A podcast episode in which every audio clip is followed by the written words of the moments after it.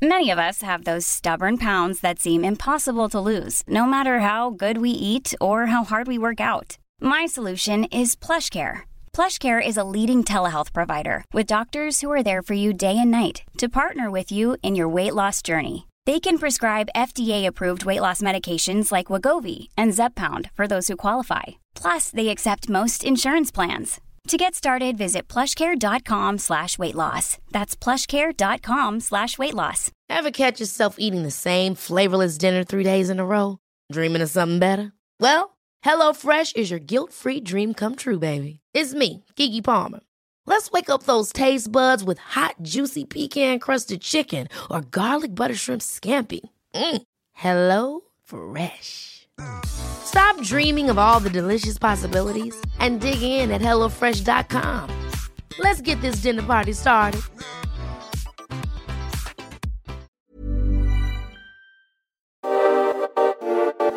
Ni lyssnar på Bagge och Brobacke podcast. I 30 minuter varje vecka kommer vi ge vår syn på marknaden med fokus på pris, makro och sentiment. Välkomna! Mitt namn är Nils Brobacke. För er som inte träffat mig förut, jag är säker på att några känner till mig, några, några känner till David, många kanske känner till båda. Men jag tänker ändå att vi kör en kortare presentation om eh, vilka vi är eh, och vad vi har gjort kanske. Absolut, det är väl bra i första avsnittet så här. Jag tycker det. Um, jag är då en um, sjömanssonen från Nynäs som uh, blev aktiemäklare i, i Stockholm. Jag jobbade fem år i början av min karriär på Carnegie och sen tre år på Nordea med lite olika typer av kunder. Allt från privatpersoner till väldigt förmögna privatpersoner och eh, även institutionella. Eh, framförallt då svenska fonder och även en del hedgefonder som kunder då. Och sedan 2017 eh, driver jag och en kollega ett eh, bolag tillsammans där vi förvaltar bolagets kassa i, i en eh, mycket taktisk allokering med en absolut avkastande fokus. Eh, så vi försöker tjäna pengar varje år då, oavsett om börsen går upp eller ner. Du, eh, jag har väl... Du då Nils? Ja, lite annorlunda bakgrund. Jag har ju varit i branschen sedan 2009, så jag var klar där ganska perfekt eh, hösten 2009. Det var ju typ när S&P bottnade, men ja, branschen var spännande mm. att komma hem till. Jag satt och handlade valuta första egentligen fem åren. Eh, först som en liten prop trading-firma och sen blev vi en svensk registrerad hedgefond. Eh, det var egentligen helt automatiserade strategier eh, i, i, eh, i fondformatet. Eh, och vi hade väl, fick in ett par stora investerare efter ett par bra år. Så vi hade SEB inne som, som eh, första inkubator och prime broker och sen lite andra Londonfirmor, ISAM och Alpha Investments bland annat, för de som känner till det, Alshir Fias. Uh, eh, gjorde det där i fem år. Eh, sen så kom jag till CMC Markets, testade på att vara anställd eh, och hamnade som chefsanalytiker där efter ett tag. Så man liksom, var där jag började i media. Jag kommer ihåg första mediaframträdandet var, var att prata Ericsson vid 50 spänn. Det känns ju som ett tag sedan nu. Det var ett tag sedan ja. ja. Eh, och eh, började bredda mig lite från, från det här kortsiktiga valuta till, till mer makrotillgångar, och, eh, räntor och råvaror och aktiesektorer och så vidare, Men väldigt kvantitativt fokus fortfarande. Eh, och egentligen sen förra året så är jag, eh, står lite på egna ben. Eh, dels så är jag chefstrateg och delägare i Nordic Gold Trade som sysslar med fysisk guld. Eh, sen så har jag precis eh, lanserat ett eget aktivt förvaltat index här tillsammans med en schweizisk investmentbank, Credit Suisse. Och eh, det där kommer göras lite svenska investeringsprodukter på, kopplade till det där indexet. Jättespännande. Så det, det är min situation idag, men återigen, vi, vi, man kan prata länge om vad, vad vi har gjort och jag tror att båda våra stories finns säkert lite andra eh, poddformat om man vill grotta ner sig i det där. Eh, men jag tänker att vi ändå ska komma in komma in ganska snabbt på eh, våra, våra långsiktiga vyer. Och jag tänker att jag ska bolla över till dig där David. Vi sätter väl någon typ av eh, någon typ av format eller standard här i första avsnittet och, och eh, sen, sen är det så, sen kan man ju alltid ändra åsikt. eh, för mig själv så Säger kan det... det? Jo då, det måste man kunna göra. det kan hända ganska snabbt, men, ja. men liksom, jag tycker ändå det är intressant att lyfta fram ett, eh, någon typ av långsiktigare vy här. Eh, så jag tänker Absolut. att du, du brukar vara bra på att kommunicera ut den, så att, eh, mm. hur ser du på marknaden idag? Eh, Och hur nej, är jag, jag, tror, jag tror att hela 2021 och in i 2022, om vi tittar fram eh, 12 månader åtminstone, så tror jag att det blir, eh, det blir bra år att eh, äga aktier generellt. Eh, I den här eh, fasen däremot eh, så tror jag nu att vi den här veckan eller åtminstone i, i otroligt snar framtid, möjligtvis redan idag, höll jag på att säga, med Fed och allt ikväll då. Men eh, att vi ska ha i, i den här, um, under året här ska vi ha en ganska brant eh, rekyl neråt eh, med start eh, gärna den här veckan som jag ser det.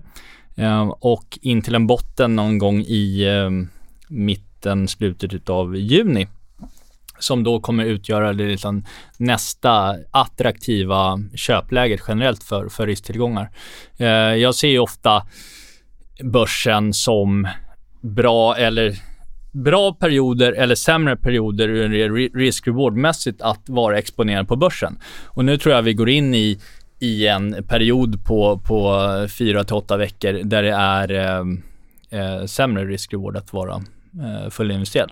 Vad skulle, du, vad skulle du säga är de viktigaste indikatorerna för dig som pekar på det risk-off-sentimentet? Jag vet ju att du har ju positionerat dig för nedgången. Vad är, vad är, liksom, vad är det för andra inputs och indikatorer som, som Nej, men det, det finns, eh, tycker jag, väldigt mycket som, som eh, tyder på att vi är nära en topp i, i marknaden här.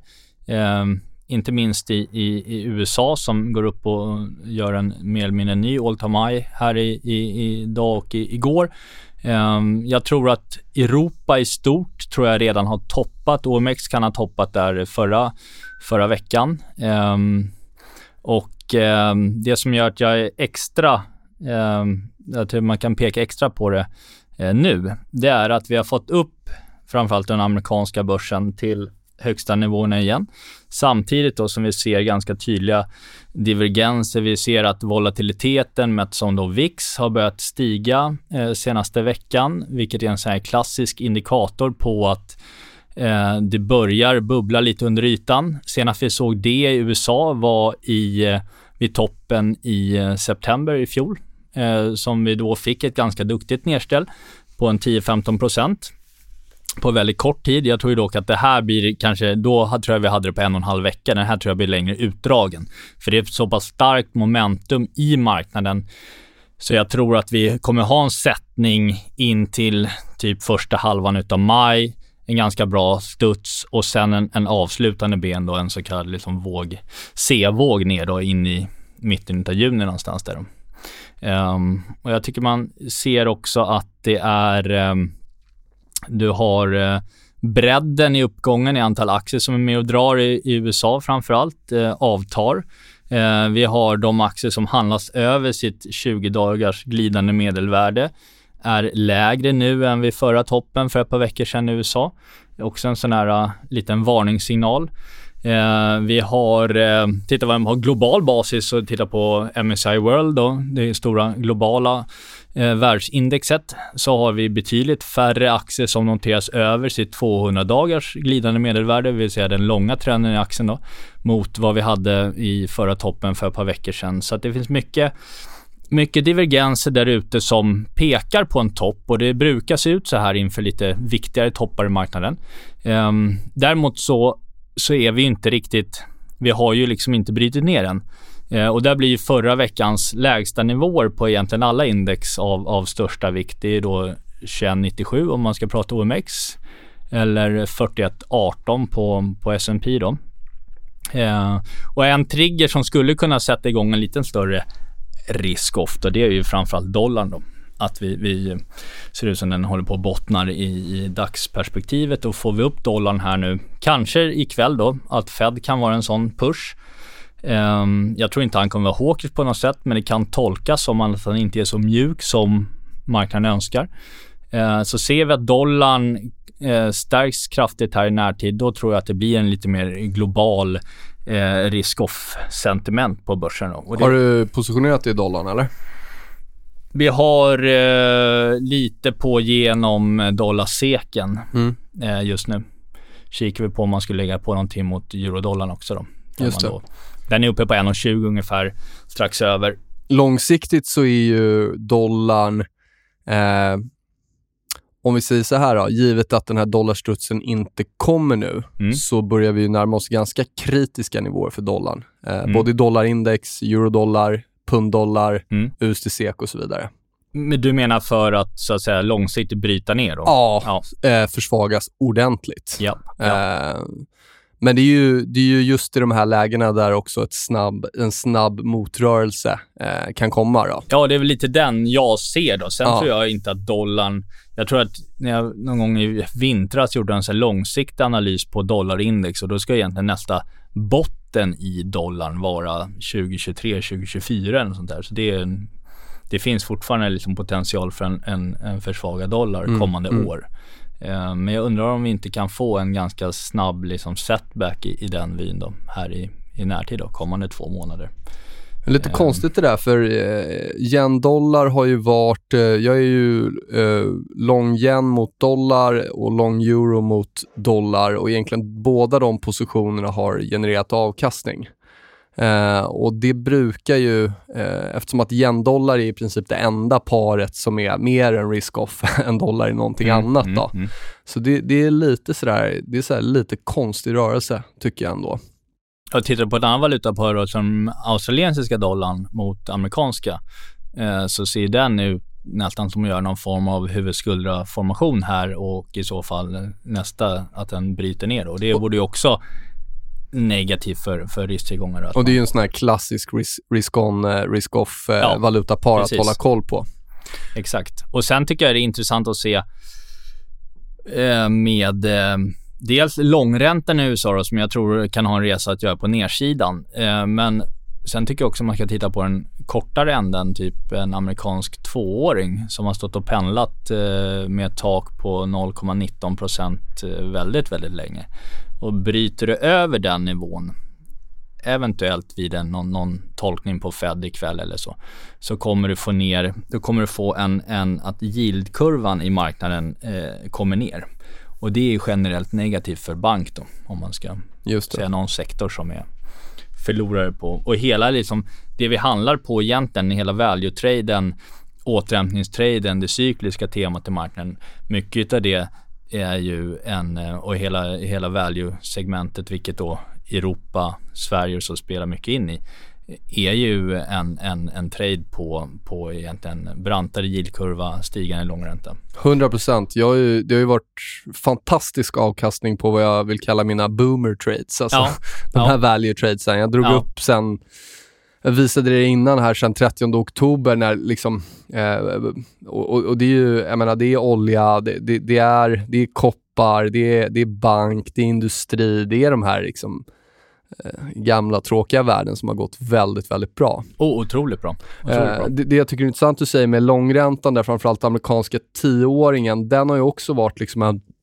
en fantastisk, eh, fantastisk trade om man har bettat på ränteuppgång.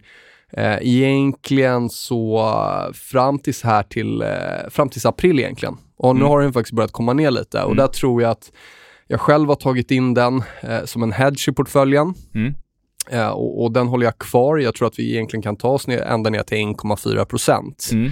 Eh, Det var ju den där nivån som var eh, extremt viktig från förra året. Det vill Mm. säga när vi Mm. bröt igenom den så blev det rejält stökigt. Då. Mm.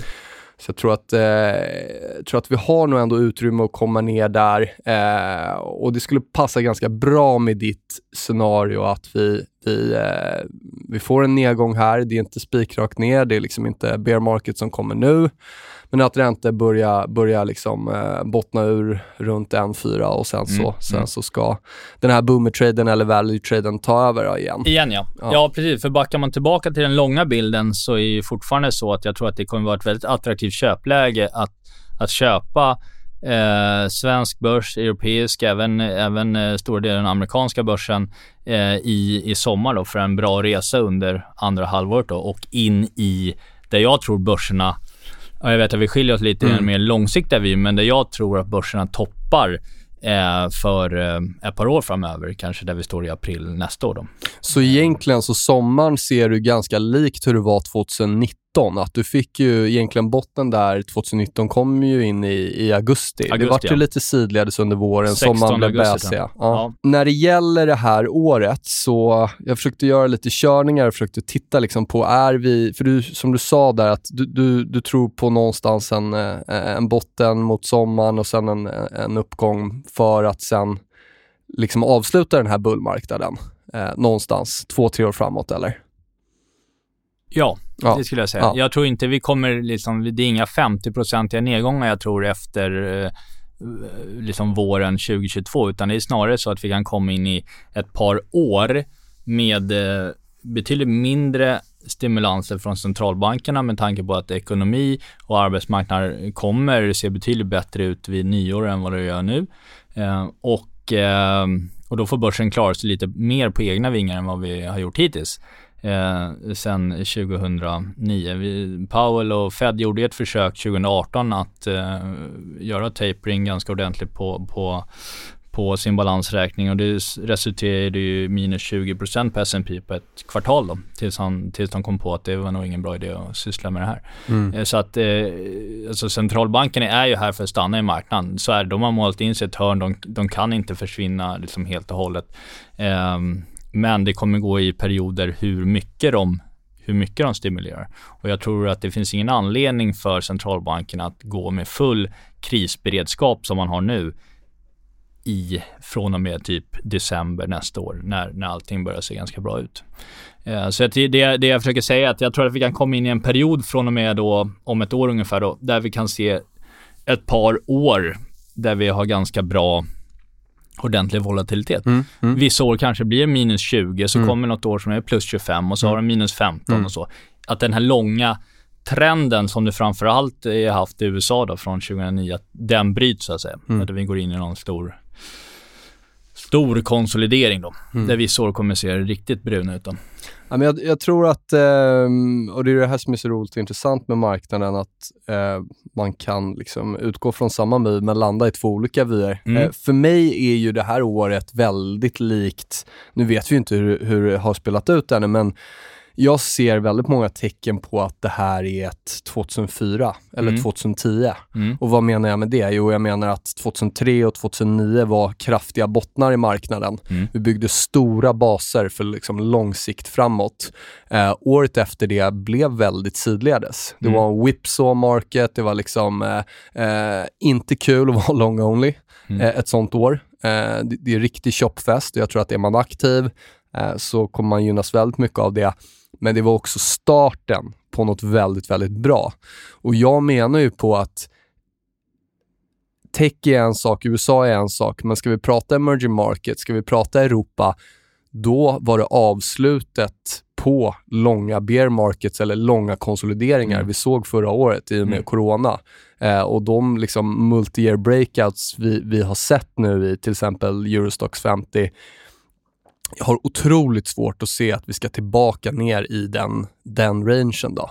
Mm. Eh, kan, kan, kan, kan mer liksom growth eller tillväxt eller techbolag ha, ha mer av långa sidledesperioder som du nämnde? Ja, om, om, om jag får rätt om räntan som jag tror att vi på sikt ska upp mycket och jag tror liksom att oljan ska upp väldigt mycket, koppar ska upp väldigt mycket. Då kan jag köpa det. Men, men eh, jag köper inte Eh, nu har inte du sagt det, men, men att prata om en generell aktiebubbla i världen. Det är bara att titta på Europa, det är bara att titta på emerging markets. Vi har inte haft det. Nej. Köpte man Nej, de topparna för 10, 12, 15 år sedan, då får man tillbaka sina pengar nu. Ja, nej så är det.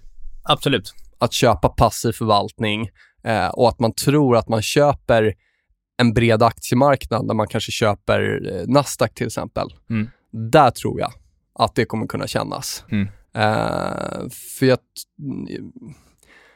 givet att saker och ting eh, spelar ut nu då, ett sidledesår i år och sen att vi får de här nya liksom eh, de nya gamla tråkiga värden som börjar se mycket, mycket bättre ut och, och bryta ut och vi ser räntor som går upp och vi ser liksom en inflations, eh, inflationstrade också som fortsätter att spela ut. Tittar du på breda råvaruindex idag så är de ju, det har ju varit skit sen jag började i marknaden. Mm. Men det är först nu det börjar göra någonting intressant Mm. på lång sikt. Men jag tror inte att det kommer se ut som det har gjort. Eh, Men när du säger en, en sidlänges marknad i år, ehm, då tror du mer eller mindre att börsen har toppat för året nu då? Alltså jag tror inte vi bryter ut, jag tror inte vi ska upp mycket mer än vad vi har varit i år. Så jag tror... Nej, det tror nej, nej.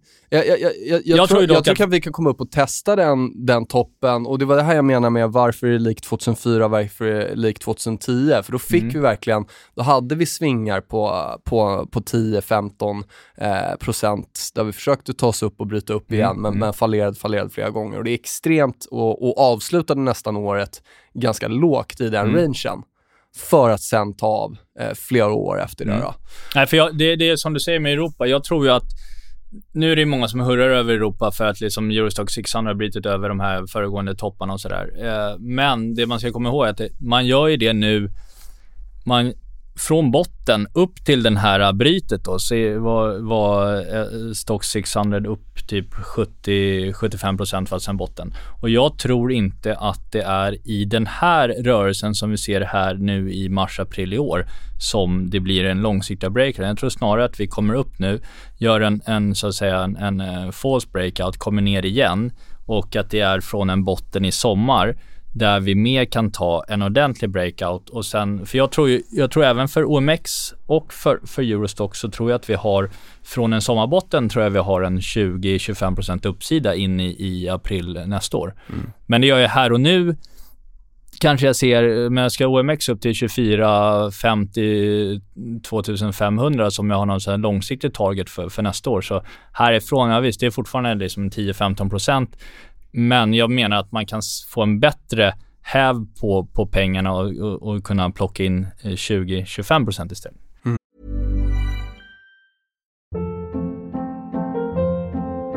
Hold up. What was that? Boring. No flavor. That was as bad as those leftovers you ate all week. Kiki Palmer here, and it's time to say hello to something fresh and guilt-free. Hello Fresh. Jazz up dinner with pecan-crusted chicken or garlic butter shrimp scampi. Now that's music to my mouth. Hello Fresh. Let's get this dinner party started. Discover all the delicious possibilities at hellofresh.com. Hey, it's Ryan Reynolds, and I'm here with Keith, co star of my upcoming film, If, only in theaters, May 17th. Do you want to tell people the big news? All right, I'll do it. Sign up now and you'll get unlimited for $15 a month in six months of Paramount Plus Essential Plan on us. Mintmobile.com slash switch. Upfront payment of $45 equivalent to $15 per month. Unlimited over 40 gigabytes per month. Face lower speeds. Videos at 480p. Active Mint customers by 531.24 get six months of Paramount Plus Essential Plan. Auto renews after six months. Offer ends May 31st, 2024. Separate Paramount Plus registration required. Terms and conditions apply if rated PG. Nej men absolut, de bästa breakoutsen, de kommer ju aldrig tillbaka och testar de nivåerna. Men det finns ju absolut, jag menar om du tar ett brett, eh, ett eh, Eurostox index så finns det ju bra med nedsida utan att vi ens är i närheten av att komma under den liksom, tidigare toppen. Ja, Så det är inga problem. Eh, jag tog fram en graf här på skärmen som jag tycker är intressant. Eh, tyska tioåringar, jag tycker den glöm, glöms bort lite ibland. Mm. Eh, och, och liksom, eh, som du säger så är vi ju nu uppe vid, vid, vid ganska känsliga nivåer ändå, minus 0,2. Eh, och, och vi har vänt ner därifrån ett par gånger, det skulle kanske vara lite bearish då, men jag tror att på sikt när man har testat en nivå så här många gånger, det var också eh, botten från 2016 som nu agerar motstånd. Då.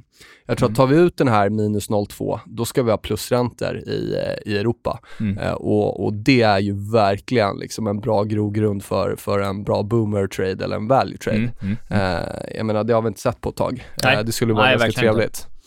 Ehm, så, så att, m- men med det sagt så ser det ju, om vi tittar på den här grafen ut, som att det kan liksom absolut börja ticka ner lite räntor här igen då. Sen tycker jag man måste blanda in lite generellt vart vi totalt sett är i marknaden. Vi har, Vi måste prata lite sentiment kanske, Ja, vi- lite vi har- crazy. Vad, vad, ja, vi har liksom, vi har mer eller vi har ju peak IPOs. Liksom, mycket IPOs har det aldrig varit någonsin på global basis. Och där rekommenderar jag, vi kommer slänga upp eh, ett gäng med grafer efter som man kan titta på, men Renaissance Technology har en eh, IPO-ETF eh, som man kan gå in och titta på och den ser riktigt toppig ut. Det, det, det håller jag faktiskt med om. Ja, mängden volym och mängden bolag som trycks ut i IPO-erna eh, här nu är ju klar på all time high.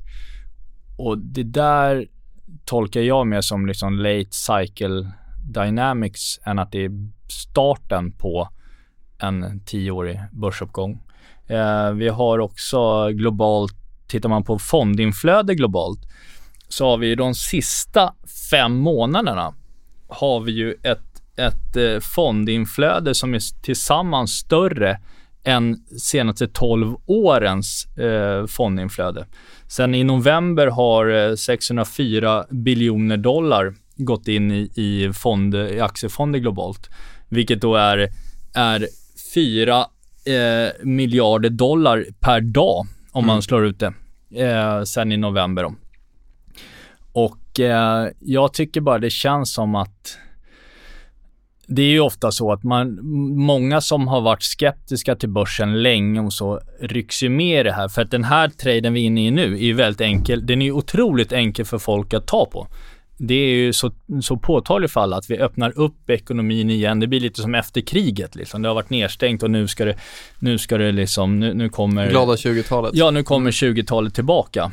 Sen slutade i och för sig inte det så det är jättebra sen efter ett par år. Men, men, eh, men det blir ju någonting för folk att ta på och eh, jag tror väl inte att helt plötsligt att alla liksom eh, lyckades den här gången heller pricka någon form av botten på en jättelång börsuppgång. Men... Nej, men en del av det där är säkert FOMO, men det, sen är det ju också såklart, jag menar, skickar man ut så här mycket stimulanser, ökar man M2 förra året med 25% då, jag menar, de där pengarna ska ju någonstans. Så är det Och när saker och ting ser bättre ut så då kommer ju de flödena. Jag menar, det är ju mycket passiva flöden idag, det är ju helt prisbaserat. Det är väldigt roligt ja. med de som köper passiva strategier. Att det, det, det är ju egentligen liksom helt prisbaserade strategier, mm. trendföljande strategier. Ja, Köper på styrka, säljer på svaghet. Ja, exakt. Nej, så är det.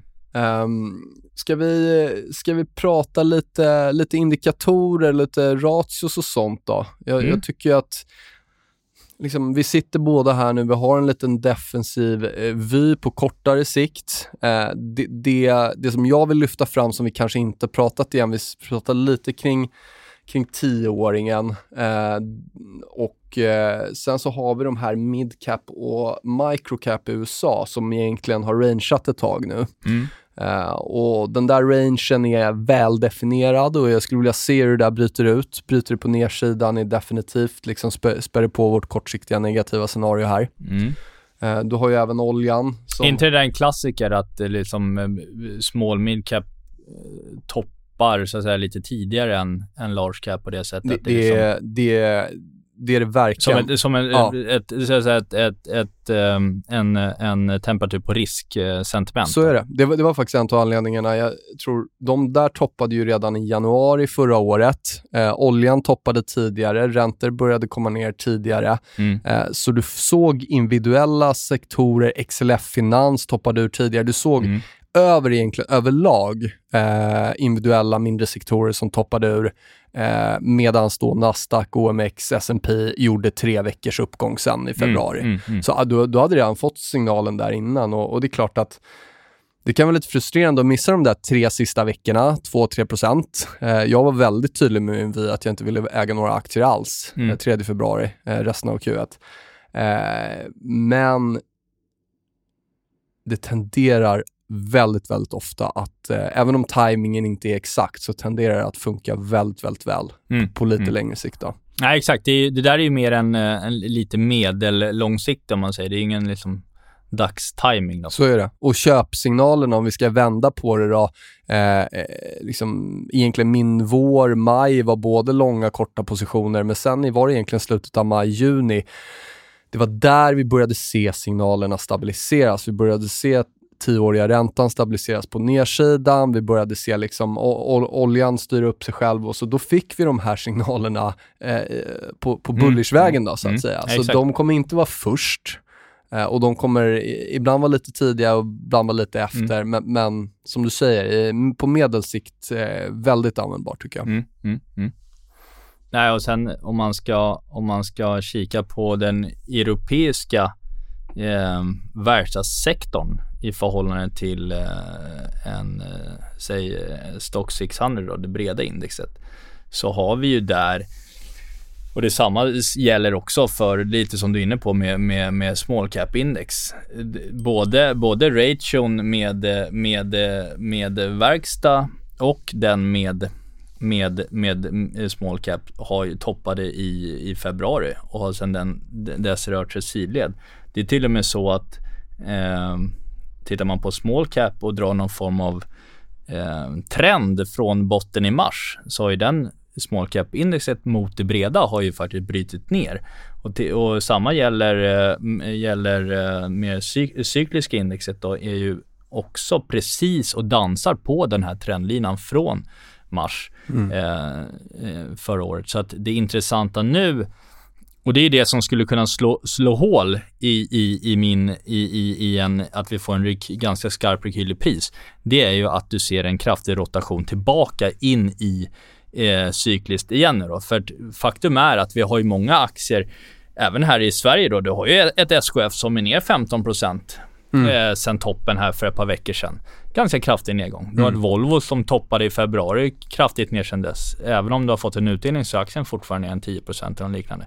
Så att frågan nu blir ju om vi får en, i min värld är frågan, får en rekyl i tid för att sektorrotationen håller det eh, levande så att säga.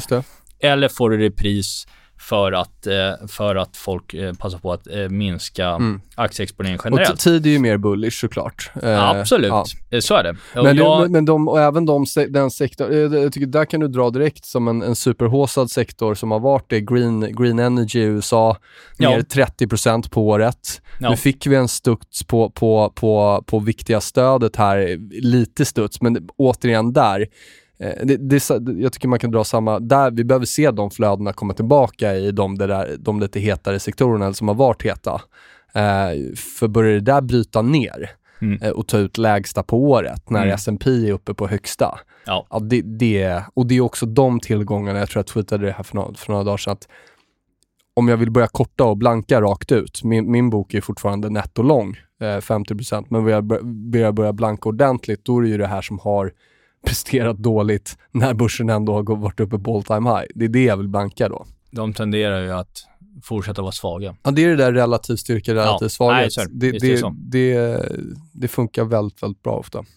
Sen tycker jag att det som, tittar du på, på rapportreaktionerna, eftersom vi är mitt uppe i en rapportperiod, är det intressant om att prata eh, om rapporterna och eh, ska väl inte gå in i detalj på specifika rapporter, men man kan ju konstatera att Även om förväntningarna var högt uppskruvade så har ändå 71% av bolagen i Sverige hittills slagit förväntningarna på, på vinstnivåer och det har i eh, USA eh, 86% av bolagen hittills då, som har slagit eh, förväntningarna på vinst. Men du har inte sett reaktionerna i aktierna överlag. Då. Sen finns det såklart undantag. Och, eh, men, men överlag har du inte alls sett den positiva reaktionen i, i aktierna som du egentligen, om du är eh, riktigt bullish vill du, ju, vill du ju se att det också slår igen. Så jag, jag menar att det... Du ser det, nästan lite mer att ja, man tar, tar möjlighet mycket, att ta hem vinster liksom? Ja, det ligger mycket i, i kurserna helt klart. Ja. Så är det. Um, och um, vi vet att um, mycket indikatorer i USA som är liksom ledande om vi tittar på typ ISM och så här. Mm. Deltat i många av de här kommer ju någon gång under hösten börja eh, svalna av. Men det var så det såg ut hösten 2018. Bästa ja. ISM-siffran, ja. räntan 3,25 och det var, to- det var toppen. Liksom. Ja. Det kunde inte bli bättre. Nej. Det var så bra det kunde eh, Och bli. det är lite frågan här och nu, eh, när vi sitter här i, i slutet av april 2021 och blickar fram. Vad, vad är det som fram till nästa rapportperiod, om man säger det i juli här, ska bli så fruktansvärt mycket bättre som inte ligger i kurserna. Mm. Eh, det är därför jag tror att vi, eh, och tittar vi då också i veckografer mm. och så här i, framförallt i breda eh, verkstadssektorer i Europa och så, här, så är det på väldigt höga eh, nivåer och vi ser momentumindikatorer som börjar rulla över i veckografer på de flesta sektorer egentligen. Så att, att det skulle bli en kraftig inflöde in igen nu då, efter rapportperioden som då i så fall skulle göra att vi får en konsolidering tid istället för pris. Det jag, jag tvivlar på den den här gången. Därför jag ser inte riktigt vad triggen ska vara med tanke på att de flesta redan är all in. Vi har haft ett massivt fondinflöde. Eh, rapporterna är avstädade mer eller mindre snart i alla fall. Utdelningen är klippta. Så vi kommer komma in i en period med, med en två, tre månader som styrs betydligt mer av makro. Eh, och då när vi då ser att den kinesiska kreditimpulsen började rulla över redan i februari, brukar vara ledande för en, en del eh, global makro, så är det i min värld upplagt för ett, eh, åtminstone två månader eh, stökigare börs. Mm.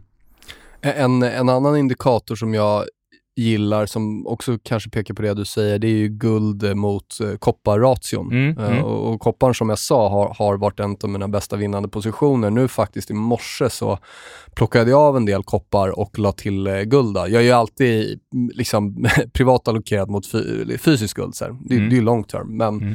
Nu, nu eh, tog jag även in eh, guld här i strategin på kort sikt. Då. Just för den ration testar nu egentligen nivåer som vi inte har sett på eh, två, tre år. Då. Mm. Eh, samma, egentligen samma ska man säga där. Kopparpriset är också upp och testar liksom viktiga toppar, så skulle det smälla på där igenom. eh, Jag tror att på lång sikt så vi kan nog se koppar på betydligt högre höjder, men det ska väldigt, väldigt ofta när alla sitter och tittar på det här breakoutet, så om det inte kommer då, då blir det ofta en väldigt snabb motrörelse då. Sen ska man komma ihåg att eh, nu, nu tycker jag att kopparn är jättetoppers Ja. på kort sikt. Eh, Negativa divergens i daily. Ja. Jag tror att Timmer gör någon form av blow-off på, på uppsidan här nu. Eh, handlar i slutet på sin liksom Mm. starka rally här. Massa metaller som handlat Ja, och sen är det inte, det är inte rakt positivt, snarare tvärtom, att du har en, en massiv liksom, eh, råvarurally. Därför att eh, på, på sikt så kommer det slå igenom på, på, eh, på inflationen på riktigt. Nu har vi en, Ja, det, det, är, det är ju tecken på att vi har inflation Ja. när de här råvarorna går upp. Exakt. När massa olika metaller går, när matråvaror går, när DBC, breda commodity index, går upp 50% och ser ut att bryta en 10-årig nedåtgående marknad. Det är ju ett tecken på inflation. Ja. Sen kan man ju säga vad man vill om att de officiella siffrorna inte har kommit ännu. Men Nej, men de kommer ju slå igenom och där kommer centralbankerna, även om de kommunicerar väldigt tydligt att vi kommer låta den overshoota inflationen, så är det är ju väldigt enkelt att säga så länge den inte gör det. Men blickar vi fram, sitter vi i, i liksom januari, februari nästa år och, och ser en, en amerikansk inflation på liksom eh, 3,5-4 procent, då kommer inte liksom amerikanska centralbanken låta lika kaxiga. Därför att då, där någonstans så kommer de också, jag tror inte att det blir någon runaway inflation, att det liksom är någon hyperinflation på väg. Men, men med givet all skuldsättning allt i samhället som vi har och all leverage i systemet så kommer det upp på 3,5-4% så, så kommer de eh, bli ganska svettiga liksom. Ja, då, då kan man nog med, med, med stor sannolikhet hävda att det var botten vi såg i somras på 05 med 10-åringen. Jag, tycker, jag lyfter just fram en graf här som är XLF mot SPY och XLE mot SPY, alltså finans och energi prissatt i SPYden. Just för att se Mm. Det vill hur... säga vad spidern är också. Ja, eh, S&P 500 då. Ja. Så det man gör här är egentligen bara att titta på relativ styrka och svaghet i energi och finans mot breda S&P. Mm. Och det har ju varit en katastrofal trade att vara överviktad de här tillgångarna mot S&P eh, i väldigt många år. Och det är det här jag menar nu att vi börjar ju se en, en väldigt intressant botten. Och nu som det blir när någonting har varit, eh, gått så dåligt i många år, då är det också extremt underviktat. Eh, jag menar, köper du S&P idag, du får inte, inte mycket, eh, jättemycket finans och energi. Köper du Nasdaq får du inget av det. Och liksom modellportföljer världen över, ja, vad är det? Räntor och aktier. Mm. Eh, och det är väldigt lite av, av gamla världens aktier och det är framförallt inga råvaror. Så det är här jag tror på, liksom, om vi får nu inflation, räntor som går en, en bra bit upp, då är det här en, en ny verklighet som väldigt många inte är förberedda för. Och då är det väldigt stora volymer och det är väldigt stora flöden som ska snurra om Mm. Och anpassa sig till det här.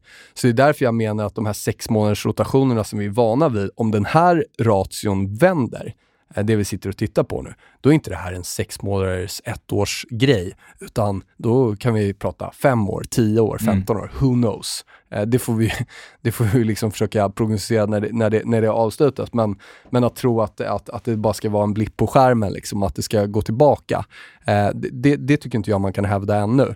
Eh, jag tittar även på Nasdaq versus eh, eh, Dow Jones som har en fin, fin ratio att kolla på på väldigt lång sikt. Eh, och där kan man ju se att där är vi uppe liksom vid eh, två- 2000 nivåer. Mm. Eh, och, och det går fortfarande absolut att hävda liksom att det, det, det är en topp i den, i den ration. Då. Mm. Nej, intressant när du nämner oljan därför att eh, den där, det har ju egentligen på sikt chansen, nu, nu pratar vi längre sikt här, men, men, att bli en, liksom en global energikris av det hela. Därför att ja, jag tror oljan kan gå till 150 dollar. Ja, och då, då kan man säga så här, även om, även om man försöker ställa om allt till förnyelsebara energikällor så är det fortfarande oljan och kommer vara oljan kommande väldigt många år som är betydande för eh, generella liksom, eh, både, in, i, både, både tillverkning och energikällor. Eh, så att... Och det är väl sådär, vi, vi, alltså att, doll, att oljan är på 15 dollar, det är ju inte bullish. Då vill man ju ha upp den. Så ja. hela den här rörelsen har ju varit bullish. Men det är klart, går oljan upp till 150 dollar, då får vi vissa andra problem. Ja, och du har ju en, det, det jag skulle säga var att du har ju en enorm underinvestering i olja, oljefält, nya fält nu för att det är inga det är inga eh, som vill låna ut pengar till oljeindustrin för att alla är så fokuserade på ESG och de nya energikällorna och så här. Så mm. du har ju en underfinansierad oljesektor. Och det är inget du bara smäller på och drar igång. Det är ju inte som agricultural så att du bara kan gasa på och odla lite mer utan det tar ju tid för det att tar tid, öka. ja exakt. Så att det är klart att får du upp oljan på, och på, på årssikt på 150 dollar fatet så eh, då, då blir det svettigt. Mm. Ja, det är en annorlunda värld. Ja, Koppar nej, på 7-8 dollar, eh, räntor betydligt högre. Mm. Eh, det vi kan göra är att förbereda oss. Ja, och det skulle i så fall passa kanske in också att vi toppar på börserna för ett par år framöver, när vi sitter om ett år ungefär.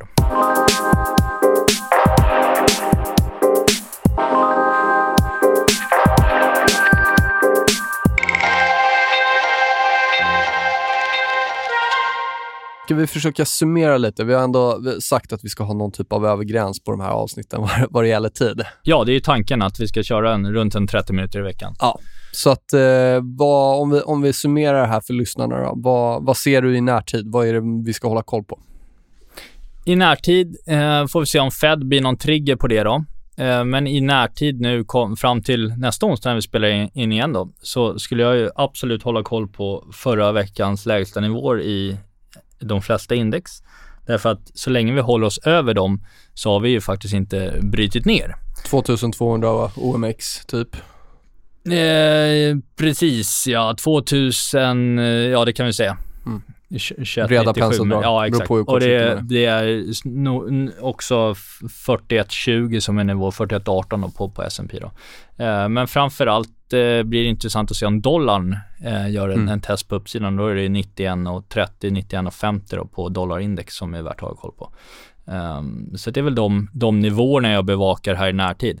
Um, och jag tror ju att även om du kommer upp på S&P nu in i imorgon eller i slutet av den här veckan mot typ 42, 30, 42, 50 säger vi som någon form av någon procent till då. Om vi säger det, då, då kommer vi ha väldigt tydliga divergenser i veckografer också. Så att jag tror att det blir någon form av absolut topp då, om vi inte redan sett den här innan. Mm. Cool, jag mm. håller väl på kort sikt med om nivåerna. Jag kan, det jag kan lägga till där bara är att kika på de här market internals som brukar skvallra om, om lite oro. Får vi mer köp i guld? Får vi räntor som tickar ner mer? Får vi yen som börjar stiga? Dollar i andra par som börjar stiga? Då, då, då, då kanske den här rekylen är, är på gång och börjar liksom, ja, utkristalliseras. Då. Mm. Men eh, fan vad kul att vara igång får jag säga. Riktigt kul. Ja. Riktigt kul. Det, ja. här, det, det här avsnittet blev ganska stora penseldrag så här. får vi väl grotta ner oss lite mer i nästa kanske. Frågor, funderingar? Vi kan inte snacka liksom tre års vin varje avsnitt. ja, då tröttnar Ja, det är inte så mycket som har hänt det. du, vi säger så. Toppen. Ja, jättebra. Tack, tack. tack.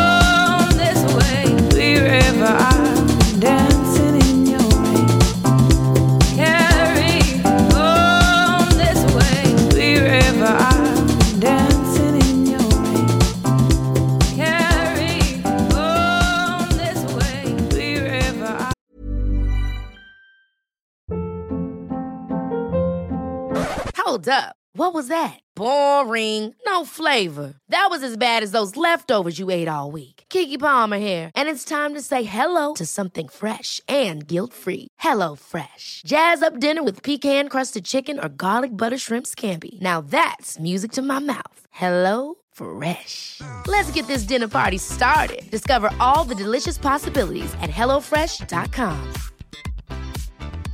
Hi, I'm Daniel, founder of Pretty Litter. Did you know cats tend to hide symptoms of sickness and pain? I learned this the hard way after losing my cat, Gingy. So I created Pretty Litter, a health monitoring litter that helps detect early signs of illness by changing colors, saving you money and potentially your cat's life. Pretty Litter is veterinarian developed, and it's the easiest way to keep tabs on your fur baby's health right at home. Go to prettylitter.com and use code ACAST for 20% off your first order and a free cat toy. Terms and conditions apply. See site for details.